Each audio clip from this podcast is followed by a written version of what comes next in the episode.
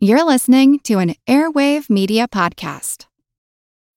When you need mealtime inspiration, it's worth shopping Kroger, where you'll find over 30,000 mouthwatering choices that excite your inner foodie. And no matter what tasty choice you make, you'll enjoy our everyday low prices, plus extra ways to save, like digital coupons worth over $600 each week. You can also save up to $1 off per gallon at the pump with fuel points. More savings and more inspiring flavors make shopping Kroger worth it every time. Kroger, fresh for everyone. Fuel restrictions apply. What if I told you that you can support your blood pressure and healthy CoQ10 levels with two chews a day? The new SuperBeets Heart Chews Advanced is now supercharged with CoQ10.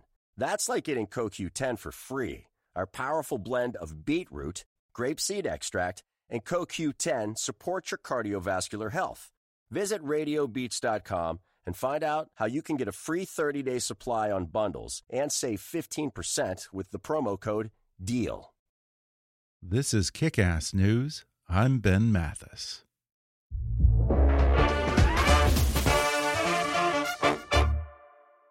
Today's episode is brought to you by Kronos. Kronos provides HR solutions for the modern workforce and the people who support, motivate, and engage them. They put HR, payroll, talent, and timekeeping on a single cloud based platform. Learn more about Kronos HR, payroll, talent, and time at kronos.com slash hrswagger. That's kronos.com slash hrswagger. Dan Pfeiffer worked for nearly 20 years at the center of Democratic politics, from the campaign trail to Capitol Hill to Barack Obama's White House. But it was Donald Trump's victory and Republicans' incessant aiding and abetting of Trumpism that radicalized his thinking.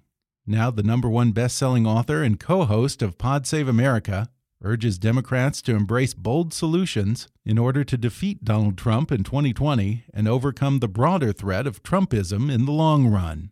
It's all in his new book titled Untrumping America A Plan to Make America a Democracy Again. And today, Dan joins me on the podcast to talk about the resurgence of Joe Biden's campaign, whether Bernie still has a shot at the nomination, and what we can learn from the failed campaign of Michael Bloomberg. He says the Democratic nominee will need to take the gloves off, rewrite the playbook, and focus on attacking Trump where he's strongest if he wants to win. However, Dan says Trumpism won't just die with the ouster of Donald Trump. And we talk about the long lasting ramifications of the Trump presidency for the Republican Party and the nation as a whole. He recalls witnessing some of the early signs of Trumpism during his own time in the White House and how he says the Democratic Party was allowed to collapse during the eight years of Obama's presidency.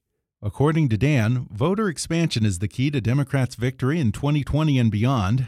He recommends a host of ideas to grow the voter rolls from granting statehood to the District of Columbia to enfranchising 16 year olds and offers proposals for how to make the office of the president more resilient against corruption and abuse of power in the future plus the right wing media organization that's more dangerous than Breitbart and bigger than Fox News, the man Dan calls the worst person in American politics. Hint, it's not Donald Trump. And Dan lets loose on his favorite punching bag, former Speaker of the House, Paul Ryan.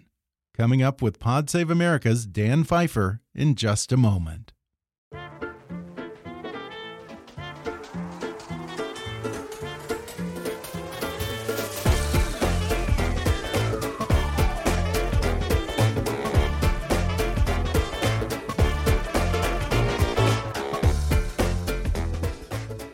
Dan Pfeiffer is the number one New York Times bestselling author of Yes, We Still Can and co host of Pod Save America. One of Barack Obama's longest serving advisors, he was White House Director of Communications under President Obama from 2009 to 2013 and senior advisor to the president from 2013 to 2015. Now he's out with his new book titled Untrumping America A Plan to Make America a Democracy Again. Dan Pfeiffer, welcome. Thanks for having me. Well, we're recording this the day after Super Tuesday. Uh, last I checked, I think that there's still some counting going on in California, but as of now, Biden has pulled ahead of Bernie Sanders in the total delegate count. Let me ask you, what do we make of this? Is, is this now a neck and neck race? And looking ahead, who do you think stands to gain the most in the remaining primary states? Well, I think it it is neck and neck, but I think that you know, stipulating that there's a lot of vote to come in in California, but even if it looks like well, if it looks like what we imagined, Biden is in a very is in a strong position now, which is pretty shocking consider where we thought he was about a week ago. Yeah, because the Super Tuesday was both demographically and, ge- and geographically uh, a should have been a very strong day for Bernie Sanders, but Barack Obama, uh, sorry, that's a Freudian slip, but Joe Biden performed. Uh, uh, Joe Biden would appreciate that Freudian slip, I think. But Joe Biden per, outperformed even the most optimistic expectations, winning states like mm-hmm. Minnesota, Maine, and Texas that Bernie Sanders expected to win. So Sanders has a lot of work to do to uh, to be the nominee, and he's got to he's going to have to make some changes and grow his coalition. Mm -hmm. And Biden was helped by the endorsements of Amy Klobuchar and Pete Buttigieg. But one thing that some people were waiting for, which really would have tipped the scales in his favor, was an endorsement from President Obama before Super Tuesday. Obama has certainly made his opinions on Bernie known, but why didn't he just publicly come out for Biden. I mean, isn't it a little bit weird for him to not endorse his own VP? No, it's actually pretty traditional for the sitting president or, or the most recent former president to not uh, endorse. He didn't endorse Hillary Clinton in 2016 either. Right. Um, okay. And his view is uh, he, and I think, as I understand his view, it is that at the end of this process, the party is going to have to unify. It is the only way we're going to beat Trump, whether that uh, we're either going to unify unify behind Biden or unify behind Bernie. And the person in the party with the best ability to help unify the party is Barack Obama. And if he were to mm. endorse now or put his thumb on the scale in a public way, I think it would reduce his capacity to do so. So, huh. as I understand it, he's holding out uh, in order to play, let the process play itself out, let voters have their say, and then he can work to help put together the coalition it's going to take to beat Trump. Huh.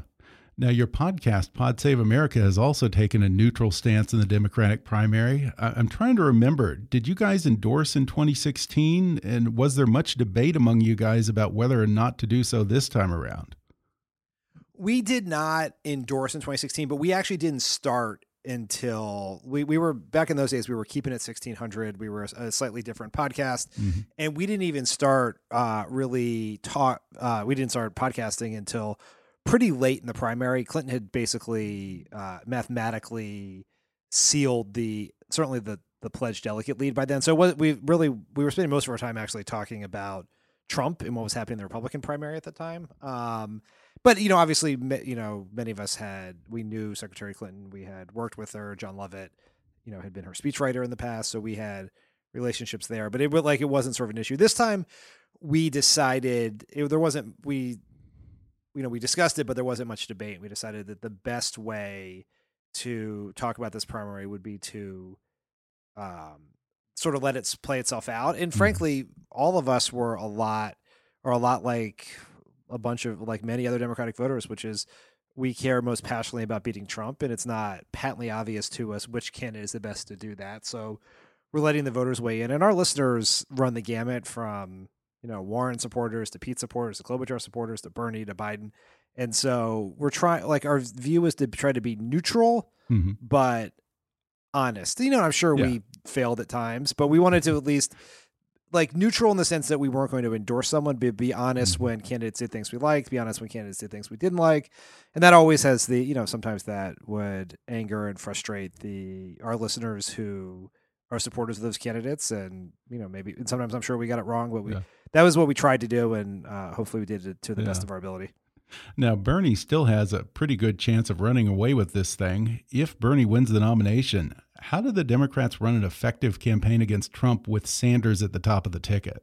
Oh, look, I, I want to be very clear that if Bernie Sanders is the nominee, myself and everyone at Pod Save America will be 100% behind him. We will do what it takes to encourage our listeners who were not – you know who are not feeling the Bern to get behind Bernie. Um, we will make the case for why he would do a good job and, and obviously why he's exponentially better than Trump. Mm-hmm. Um, look, I look, I think Bernie can win, and Democrats who say he can't win are ignoring uh, both the data and the lessons of the 2016 election.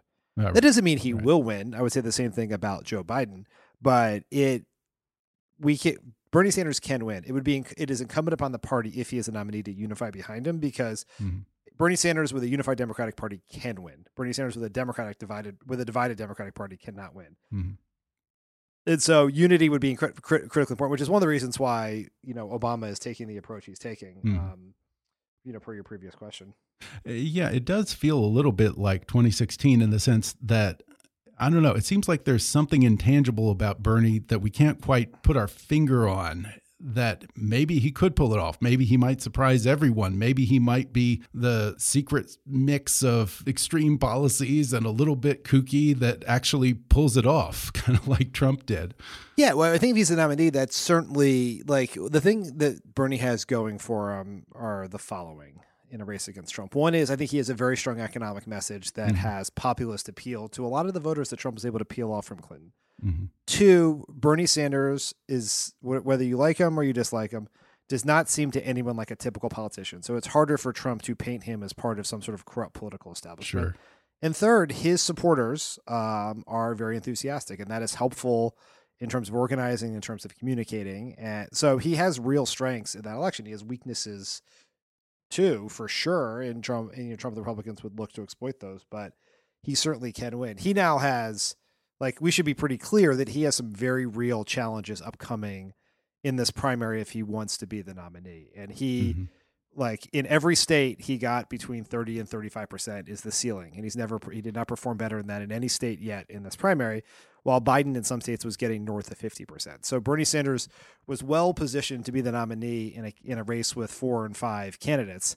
In a race with essentially two candidates, it gets much more challenging. So yeah. he's going to have to figure out very quickly how to grow his support and particularly among African American voters who are the most critical constituency within the party. And I guess now, the day after Super Tuesday, we can actually do a post mortem on Bloomberg. What do you think about his campaign? I mean, aside from the obvious fact that he spent a half billion bucks to win American Samoa and dropped out a day later, is there anything to be learned from the way that he's been able to get under Trump's skin and kind of tweak Trump where he's most sensitive, especially with the digs at his supposed wealth and business acumen? Isn't Trump weakest when he gets his feathers a little ruffled? Yeah, there's definitely something about the fact that if Trump is in a Twitter fight with someone, it, those are you know minutes, hours, and days he's not spending making the case for his reelection. And there's mm-hmm. a lot of mm-hmm. data that shows that sort of these petty fights that Trump gets in are um, problematic with a lot of swing voters who are sort of just exhausted by the constant drama in which he would just do his job. Sure. And so I think there is um, like his ability to do that is an asset. You know, I don't think that that is a sustainable and singular strategy for winning the presidency. I think ultimately what his failure to do better had a lot more to do with two things. One, never a great fit for the Democratic Party electorate, right? Mm-hmm. This is someone who, despite being a true and legitimate hero on climate change and gun control, is was either ambivalent or conservative on almost all the other all the other issues that Democrats cared about. Was a frequent critic of President Obama, um, and critic of the things that Democrats like, like an you know critic of the ACA. He wanted Obama to cut Social Security, and these are problematic positions for someone running to be the Democratic nominee that no that you know five hundred million dollars cannot solve. And th- there was a strategic problem, which was to have any chance at all, he needed to be the in a one-on-one face-off with Sanders, mm-hmm. and to sort of make himself this quote-unquote electable alternative. And he, by skipping the first four states, he sort of ensured that he would not be that one person in a one-on-one standoff. And then the final thing is the hit the debate performance in that first debate was disastrous. You can't pitch yourself as this electable alternative if you put in such a bad debate performance, and that I think it was a fatal blow to the electability uh, aura that all those television ads had bought him. Going back to that ability that he had to sort of get under Trump's skin and hit him where many were afraid to hit him. Within the Democratic Party, there's been some debate about the effectiveness of the Obama strategy of they go low, we go high, especially when dealing with someone like Trump couple of weeks back, I had Rick Wilson on the show, and he was sort of GOP splaining to the Dems that they need to be ready for a street fight and go after everything from Trump's appearance to his crooked kids. You acknowledge in here that Republicans have what you call the asshole advantage. Uh, so, how low should your side go in this election? Well, Rick is a very smart guy, and I really enjoyed his book. I do disagree with him on this approach. It's not a question of low or high. It's just that Democrat, like we have to be very tough with Trump, but we have a different electoral calculus than Republicans, which is mm-hmm. sort of where I think Rick's experience comes from. Is Republic? He's trying to get Republicans elected. Republicans win. It's a simple math problem. Republicans win by turning out a very a base of very committed, enthusiastic voters, mm-hmm. and it and trying to sow enough cynicism that the Democratic base, which it, which involves much more first time and periodic voters, keep to sow enough cynicism to keep them from coming out. So we can't just be, I call it in the book, a paler shade of orange. That's that that that math does not work for us. So we have to be tough with Trump, but it can't just all be about Trump. We have to give people a reason to turn out. Mm-hmm. And so like I don't have any like there's nothing that I don't have any problem with like going at being tough about Trump and saying tough things about him. But if your strategy is just to pick a fight with Trump every day, you're going to lose the election. And in the last presidential election, it was sort of like Hillary and the Dems were fighting with one hand tied behind their back because they stuck to the generally accepted rules and norms of politics while Trump didn't. How can the nominee overcome this disadvantage this time around? Does he need to play by the rules, break them, rewrite the playbook, or what? I think it's rewrite the playbook. I think mm -hmm. Trump has a very strong ability to make people play his game, to respond to what he says, to draw out the four corners of the conversation. And uh and make you talk about the things he wants to talk about, which are things that incite his base and don't do anything to our base. And mm-hmm. so, what I think the Democrat needs to do is they have to call out the game. They can't get sucked. They can't follow Trump down all these rabbit holes. And that was one of the things that happened to the Democrats in 2016. Is every day Trump would do something terrible, we would spend the whole day responding and telling people how terrible that thing was, even if the ter- even if the terribleness of that thing was self evident to the voters. So I think you have to call out what he's doing and explain why. So when Trump, you know, like in 2018, when Trump uh, sort of fosters this conspiracy about this caravan full of ISIS and MS-13 members coming towards the border to, uh, you know, hurt America. Like you don't have to buy the premise of the conversation. You can say that Trump is trying to scare you, and here's what he's trying to distract you from. Here's why he wants to keep us divided. He wants to he wants to distract you from the fact that he wants to cut Medicare and Social Security to pay for a tax cut for uh, large corporations. He wants to distract you from the fact that he and his family are getting rich off your taxpayer dollars through his hotels and resorts. He's trying to distract you from the fact that he is making it easier for large corporations to pollute your water and air. And so it, it is like we have to learn the jujitsu of pivoting instead of letting mm-hmm. him tell us what we're going to talk about every day. He doesn't get, we can't let Donald Trump write the Democratic talking points every morning. And to the extent that there there is any strategy to what he's doing, he's been very good at you know, when anytime he's in trouble with something, anytime he has a scandal or a policy issue that is seriously has the potential to affect him, he's able to throw out something that's just completely batshit crazy, but not particularly consequential, just to change the narrative. Yeah, that's right. That's exactly right. He's he has made himself the nation's assignment editor, and we can't play we can't play that game. You advise in here that whoever the nominee is to hit Trump where he is strongest, which has always kind of been one of the basic tenets of political strategy. What do you see as Trump's biggest strengths, and how do you chip away at them this time?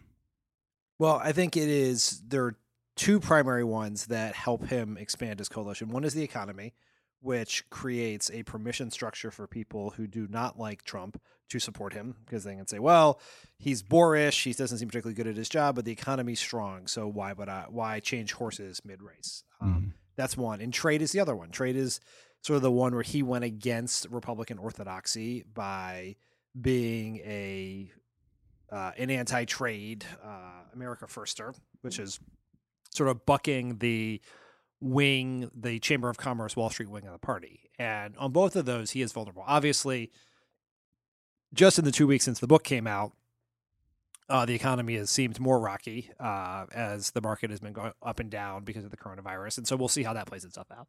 But even in a scenario where the economy stays, or this, it turns out you know everything goes right, we get very lucky. Coronavirus um, gets handled, and the economy returns to something like it was, um, you know, before a few weeks ago.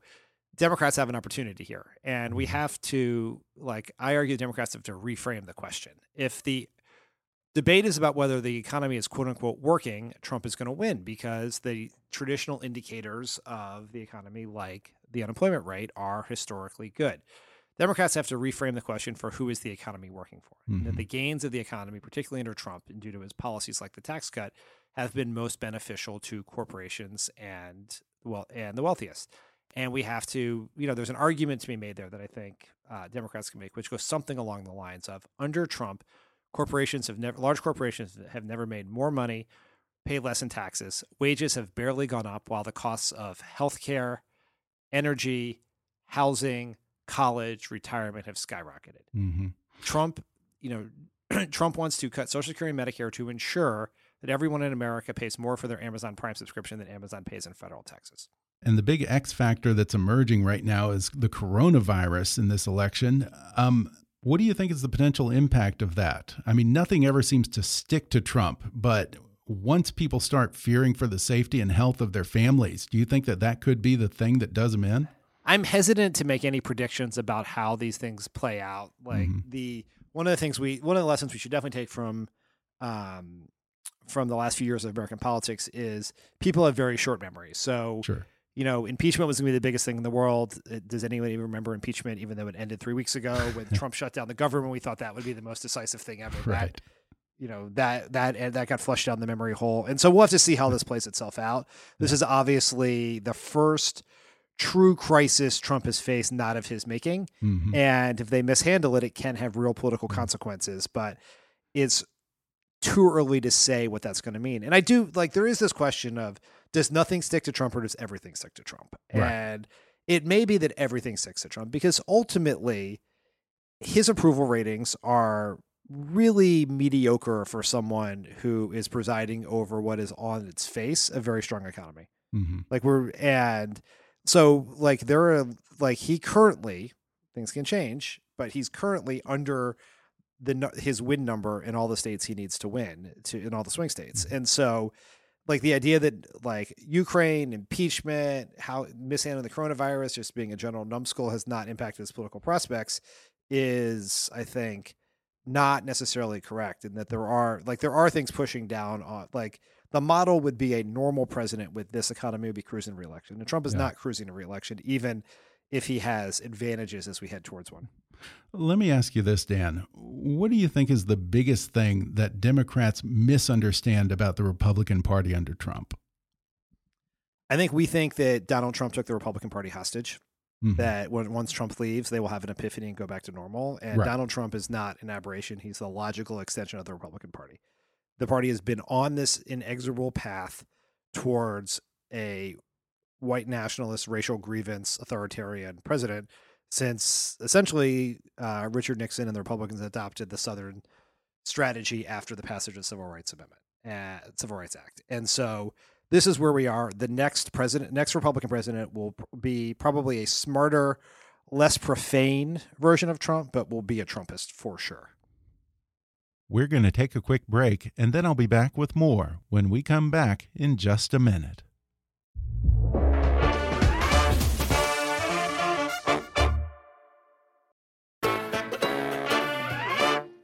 And there have been a number of books over the past months about defeating Trump, but they almost seem to assume, like you said, that defeating Trump sort of solves the problem. You, on the other hand, dedicate much of this book to defeating Trumpism.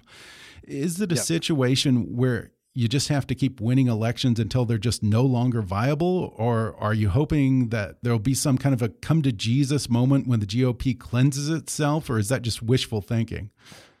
Well, I think you have to change the political incentives for the GOP, right? Mm-hmm. Ultimately, I wrote this book because I believe that there's nothing more important than beating Trump, but beating Trump is not enough. And the Republicans can win the White House, they can control the Senate, they can control the courts in a world in which democracy, as we commonly understand it, is restricted. It's restricted through the geographic biases of the Senate and the Electoral College, but also mm-hmm. through a very explicit strategy of voter suppression gerrymandering, rigging the courts. And if we don't take on those structural impediments to progressive power, then Republicans can see this way. The, the way to get Republicans to act differently is to create a political structure whereby Republicans have to appeal to the majority of Americans to succeed. Right now, they do not mm-hmm. have to do that. They can get by with with just appealing to a distinct minority of Americans. And if they were to have to, if they had to have a broadly appealing agenda, then Trumpism wouldn't work. Trumpism only works in a rigged political system, and so you have to you have to unrig it if you want to get mm-hmm. rid of Trumpism. And we were just talking about how many still want to believe that Trump is an anomaly in politics, but you contend in here that Trumpism, as you said, has been around for a while in one shape or a form. And you actually recall witnessing the early signs of what would eventually come to be known as Trumpism in your dealings with Republicans in the House and Senate during the Obama administration. Can you give us some examples of that? Sure. I think the, the best example also involves Trump, which is, as everyone famously or infamously knows, Trump uh, spent much of the year 2011 pushing Trump, pushing this uh, false racist conspiracy theory that Barack mm-hmm. Obama was born in Kenya and therefore ineligible to be president, that he did he had faked his birth certificate, blah blah blah blah blah. and at the time, we kept waiting for Republicans. Like Trump was not a Republican leader then; he was a reality. He was a clown. He was just yeah. a, he was a clown famous for being famous, and sort of were waiting for Republicans to rebuke Trump for this because this would be an easy way to demonstrate to voters in the quote unquote middle that they were that the party was not beholden to its most extreme elements. But they never did. They basically just stayed silent the whole time. And then even after Trump sort of got made a fool of by Obama and was sort of laughed off the stage in 2011, did Republicans say, phew, thank goodness Barack Obama solved this Trump problem for us? No they immediately began begging him for his endorsement if they were running for president in 2012. Right. And Mitt Romney, who is now a obviously a hero of the Never Trump resistance movement, uh, basically got on one knee and begged Donald Trump for his endorsement. And when Donald Trump gave it to him, they did a event together that looked a lot like the Celebrity Apprentice. And ultimately, what that said was Republicans they Mitt Romney wanted Donald Trump's endorsement, not despite the fact that Donald Trump was a racist, but because he was a racist, because it sent a signal mm-hmm. about the kind of Republican he would be. And that, I think, is a very, for all the positive things, for Mitt Romney's brave stance on impeachment, he he believed that the path to winning the presidency was mobilizing racists, which is why he needed Donald Trump on his side. It's why he needed Steve King on his side and begged Steve King for his endorsement. Yeah. And that political calculus exists existed in 2011, 2012, and is even more true today as the country has gotten more diverse. Republicans have needed to get more out of the their diminishing white base. Mm -hmm. And yet, sort of surprisingly, you bestow the mantle of worst person in American politics not on Donald Trump, but on Mitch McConnell. Why does he deserve that title? Well, because Mitch McConnell was the person most responsible for someone like Donald Trump becoming president. Mm-hmm. Mitch McConnell has from the very beginning been an anti-democratic politician, and that he has he is no, he's smart. Mitch McConnell, is, Donald Trump is not smart. Mitch McConnell is smart. Yeah, and he has seen where this is going for a very long time, and that re- the only way Republicans could hold on to power was to change politics and restrict the political power of communities of color, of young people, uh, et cetera, et cetera, et cetera. And so he he created an environment where Donald Trump could become president and mm-hmm. has done everything he can to ensure that Donald Trump stays president despite obvious crimes. And I talk in the book about how Mitch McConnell even refused to join, not just with the Obama administration, but the Obama administration and Paul Ryan to make a public statement about Russian interference because he knew it would help Donald Trump get elected and therefore, or at least help Donald Trump do well in the election and therefore help his Republican senators win election and help him stay Senate Majority Leader. And of course, we'll get to your feelings on Paul Ryan in just a bit. You certainly have some strong opinions on him. But first, let's talk about the Democratic Party organization. As it stands right now, is the DNC equally or better prepared than the RNC for 2020? No, they're definitely not better prepared. But that is also a product of being the party out of power, right? Mm -hmm. They're Donald Trump filed for reelection five hours after he was inaugurated, and the and they have been working and preparing for this in a singular fashion without having to worry about a primary for three you know three plus years now. Um, I would say the the DNC at this point in 2020 is much better prepared than it was at this point in 2016, and have has done a very good job. But the Republicans are better funded, better organized, with a serious infra, uh, mm-hmm. institutional and, and, infrastructure head start. Mm-hmm. And you actually admit that the party all but collapsed during the Obama administration. How did that happen? Where did the Democratic Party come up short during the Obama era? Well, I think we tend in politics to assign too much importance to tactical and strategic decisions and not enough to larger um, demographic and cultural factors. Mhm. And like th- so several things happened um, some of which were in obama's control and most of which weren't one the 2010 midterms was the most important election because it was the decennial election which means it's the one that happens after the census which means the people elected in that election get to draw the district lines and uh, republicans won because they always do well in the first election the out party always does well in the first election after uh, a president's elected, just like the Democrats did 2018. Um, it also happened to be, uh, you know, two years after a very unpopular bailout of the banks that began under the Bush administration. Unemployment was near 10%. And then uh, to make things even harder, the Supreme Court ruled f- uh, for the plaintiffs in Citizens United, allowing the Republicans who have more money to massively outspend the Democrats on the stretch. Mhm. And so we lost that election. The same thing that happened at the same time, America was undergoing the post Obama uh, shift where a lot of the, you know, we had a lot of Democrat, more conservative Democrats in southern state in very Republican districts that as the country polarized, particularly on racial lines in the Republican Party, we lost those. What I think is a fair thing to say about all of us who work in the Obama administration is that we did not do enough after that election to focus on building political power up at the state level, which would have allowed us to undo the some of the gerrymandering and voter suppression Republicans put in place in 2010, post mm-hmm. 2010. And I think we were probably overly complacent heading into 2016 about the possibility that could Trump that Trump would win, and therefore sort of believe that didn't fully comprehend how how close the elections were what actually was in 2012 and that we I don't think we just we, there was a failure of imagination on the fact that Trump could beat Hillary and therefore we did not do some things that would protect against that possibility. And in many respects, the battle between the Republicans and Democrats is a battle between voter suppression and voter expansion. Now, Stacey Abrams in Georgia has done a great job of raising awareness of this issue, but to some extent, she may be the exception. All, it seems to me that all too often Democrats have been hesitant to talk about voter expansion. Do you know why that is? I it's one of the reasons why I wrote the book is I think Democrats are reticent to talk about things talk about and do things that explicitly expand our political power. Republicans view political power as a means to Democrats believe, believe Democrats view political power as a means to a policy end, and Republicans view political power as an end in of itself. And so we've been we're very hesitant to do things. We have been in the past very hesitant to do things that we believe are right, but also benefit us politically. And but that is changing. Like that is definitely changing, and you're seeing that as more and more states are enfranchising um, formerly incarcerated individuals who've paid their debt to society. Um, you're seeing that as you know, nearly every state that has Democratic control has put in place automatic voter registra- voter registration, um, and are doing things to expand early vote and enact vote by mail. So we're doing things, but we have to be much more aggressive, and we have to uh, be more strategic about how we do it.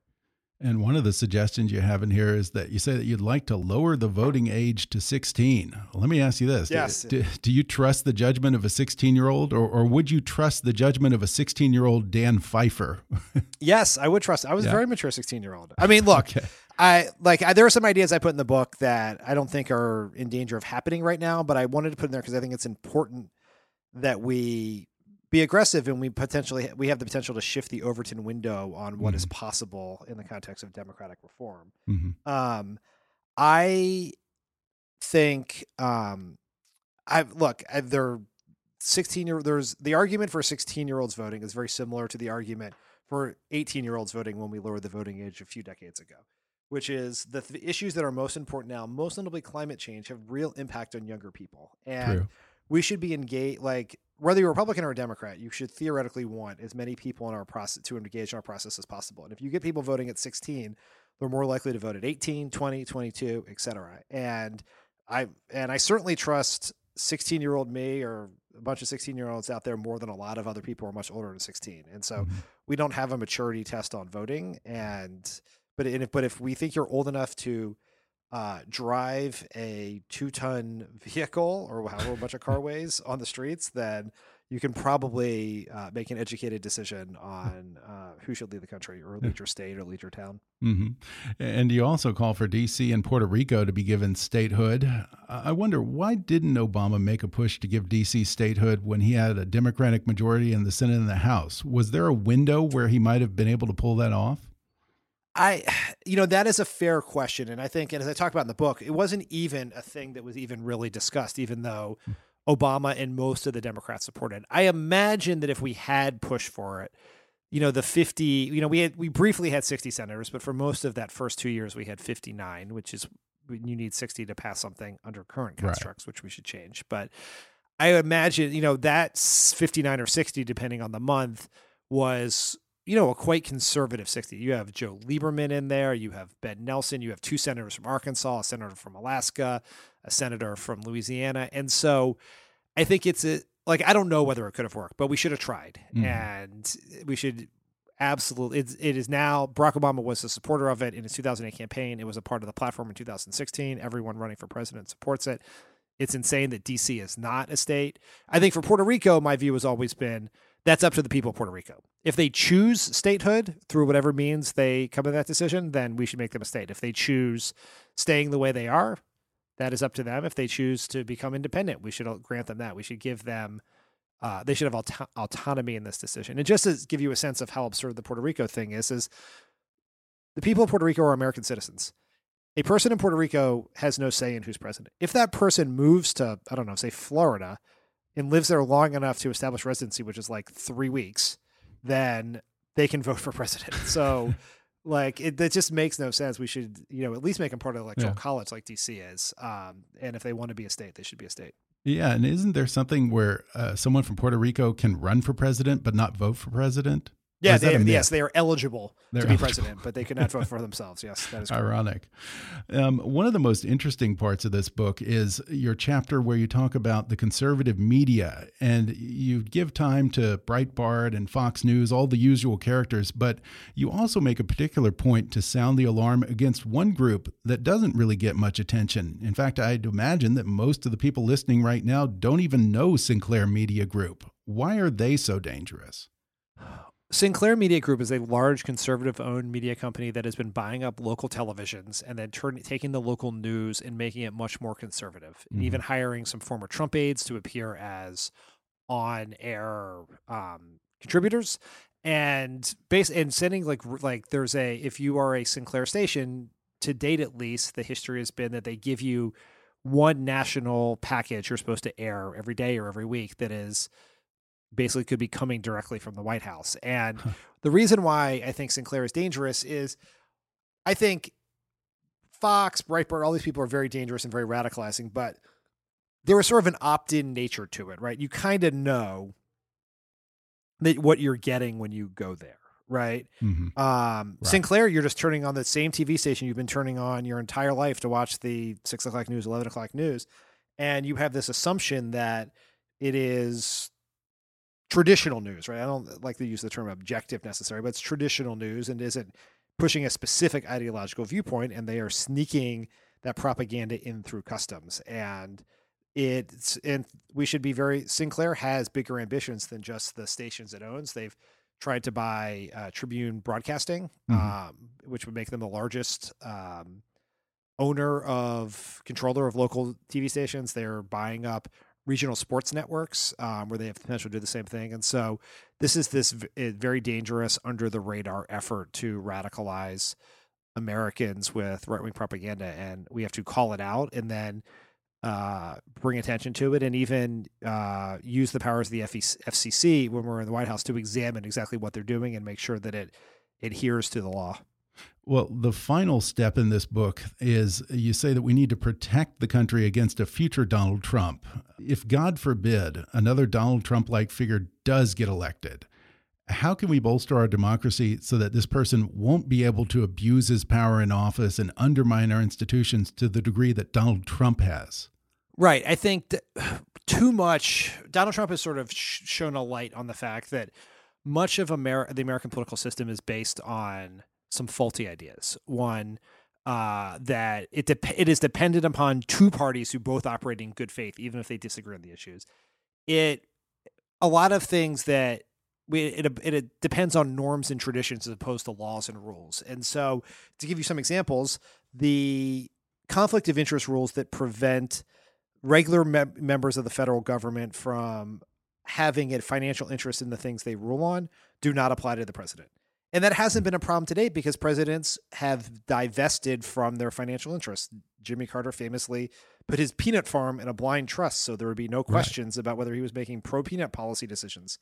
Um, but Donald Trump did not do that, has not done that, and there is no law stopping him. Every presidential candidate since Nixon has released their taxes because that has been a tradition, and there's been a belief that uh, political pressure from the public forces you to do it. Donald Trump has not released his tax returns.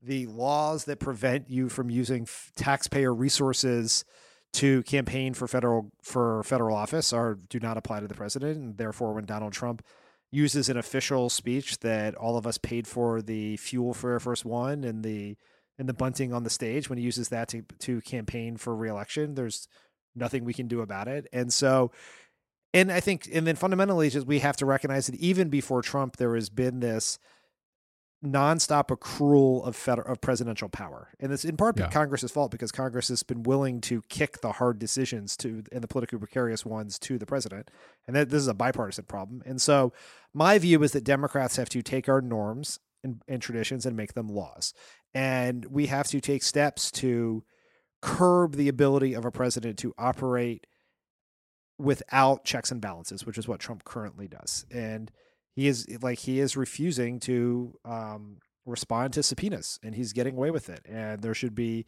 accountability and rules and laws that make that make that less likely. And it's and I think it's very important for a Democratic president with a Democratic Congress to be the ones who put these rules into place. Because mm-hmm. if we don't do it, no one's going to do it.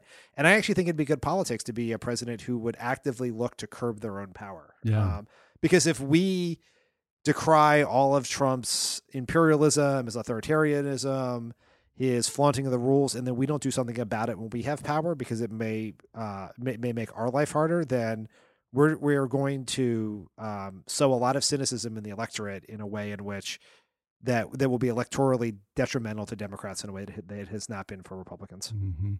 Some good advice. Well, before we go, you throw in a bonus chapter in your book that's sort of an extended rant on Paul Ryan. now, I've heard you go off on him on Pod Save America before, and even though he's gone back to Wisconsin and probably out of politics for good, you still seem to have this very visceral reaction to him. Let me ask you yes. of all the whole rogues gallery of crooks and enablers around Trump, what is it about Paul Ryan? Is it the workout photos or what? Why does he drive you crazy? I, it is not the workout photos, although those are very cheesy. I mean, look, I look, I do not. If someone wants to pick another least favorite person in Republican Party to go after, like I cannot disagree with you. You say you hate Marco Rubio or Devin Nunes or Jared Kushner or Steve. Like those are yeah. all legitimate choices. Paul Ryan bothers me the most because Paul Ryan is the hero of this story in his own mind, and he he is operating on a different plane from reality, and and so he is always he has annoyed me for years. Uh, his behavior in the Trump administration is inexcusable. I do not believe he's done with politics. I think he is going to be running for governor of Wisconsin really? or senator in Wisconsin in our near future. Uh, I think we were we are not done with Paul Ryan. He's just taking a break to try to make some money and try to cleanse the stain of Trumpism off his soul. Which I the point of this chapter is that maybe in some small way keep him from doing. And the funny thing about this chapter is I when I was writing this book, I was trying to maximize. I do a lot of obviously travel for Pod Save America. We have a lot of long flights, and so I try to maximize all of them because that's like five hours you know, for flying across country that I can just work and no one's supposed to bother me. And I was stuck on a flight and I was uh, writer's block. Like I just could not put words on a paper. And I was feeling the pressure of like every minute, this is another minute I'm not going to get back of my incredibly important flight time to get some sort of my like I'm on like a you know you got to turn this book in you got to you're on like on a word schedule right like yeah. if I don't write X number of words this week, I'm going to be behind. That means I got to write X plus Y next week, right? Or whatever. And so, in order to sort of open the spigots, I just started writing Paul Ryan rant because it came most naturally. And ultimately when we finished the book it didn't really fit anywhere like it didn't like it didn't Yeah. work in the context of the book and so it just felt wrong to throw it away so we just stuck it at the end uh which is sort of like a bonus it's like an after credit sequence in a marvel Right. movie for the listeners the readers of the book who are pod save america listeners who uh appreciate the paul ryan who or i guess Yes. maybe they appreciate the paul ryan rants and miss them because they come less frequently now that he has slunk off the national stage yeah, I found it very rewarding personally, so I'm glad you. oh, good. Well, that. then, then mission accomplished. Excellent. Well, again, the book is called Untrumping America A Plan to Make America a Democracy Again. Dan Pfeiffer, thanks so much for talking with me. Absolutely. Thank you. Thanks again to Dan Pfeiffer for joining me on the podcast. Order his new book, Untrumping America A Plan to Make America a Democracy Again, on Amazon, Audible, or wherever books are sold. Listen and subscribe to Dan's podcast, Pod Save America, on Apple Podcasts or wherever you like to listen, and follow him on Twitter at, at Dan Pfeiffer. Today's episode is brought to you by Kronos. Kronos provides HR solutions for the modern workforce and the people who support, motivate, and engage them. They put HR, payroll, talent, and timekeeping on a single cloud based platform. Learn more about Kronos HR, payroll, talent, and time at kronos.com slash HR swagger. That's kronos.com slash HR swagger. If you enjoyed today's podcast, be sure to subscribe to us on Apple Podcasts and rate and review us while you're there. Five star ratings and detailed reviews are one of the best ways for new listeners to discover the show. You can also follow us on Facebook or on Twitter at, at KickassNewsPod and recommend us to your friends on your social media. For more fun stuff, visit kickassnews.com, and I welcome your comments, questions, and suggestions at comments at kickassnews.com. For now, I'm Ben Mathis, and thanks for listening to Kickass News.